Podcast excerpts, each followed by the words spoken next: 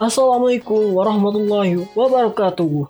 Halo teman semua, semoga kalian dalam keadaan sehat selalu ya. Sebelumnya, perkenalkan, nama saya Fatur Rahman Al Bayhaki. Di kesempatan kali ini, saya akan mencoba membagikan tips-tips manajemen waktu bagi mahasiswa.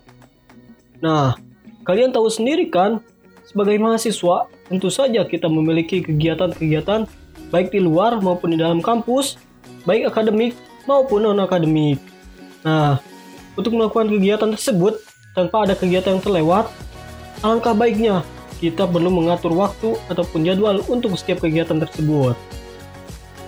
Di sini, saya akan mencoba membagikan beberapa tips bagi mahasiswa supaya mampu memanajemen waktu dengan baik. Yang pertama, tentukan kegiatan yang paling penting dan buatlah jadwal kegiatan. Kalian harus menentukan kegiatan mana yang paling penting untuk dilakukan terlebih dahulu. Dan buatlah sebuah daftar kegiatan yang akan kalian lakukan beserta waktunya di kertas, kalender, atau di smartphone kalian. Hal ini akan membuat kegiatan kalian menjadi lebih terstruktur. Kedua, luangkanlah waktu untuk beristirahat dan bersantai. Bersantai di sini bukanlah malas ya, melainkan bersantai beristirahat sejenak, refreshing, dan ini juga akan mendampak baik pada kesehatan tubuh kita nantinya dan membuat agar kita terhindar dari stres. Ketiga, hentikan untuk menunda-nunda suatu kegiatan.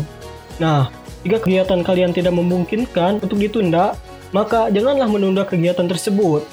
Jika Anda mempunyai kegiatan tersebut, alangkah baiknya untuk menghapus. Jangan biarkan kegiatan kalian berlarut-larut. Nah, teman-teman, itulah beberapa tips-tips yang bisa saya bagikan kepada kalian semua. Semoga kalian ke depannya bisa memanfaatkan waktu dengan sebaik mungkin. Sekian, wassalamualaikum warahmatullahi wabarakatuh.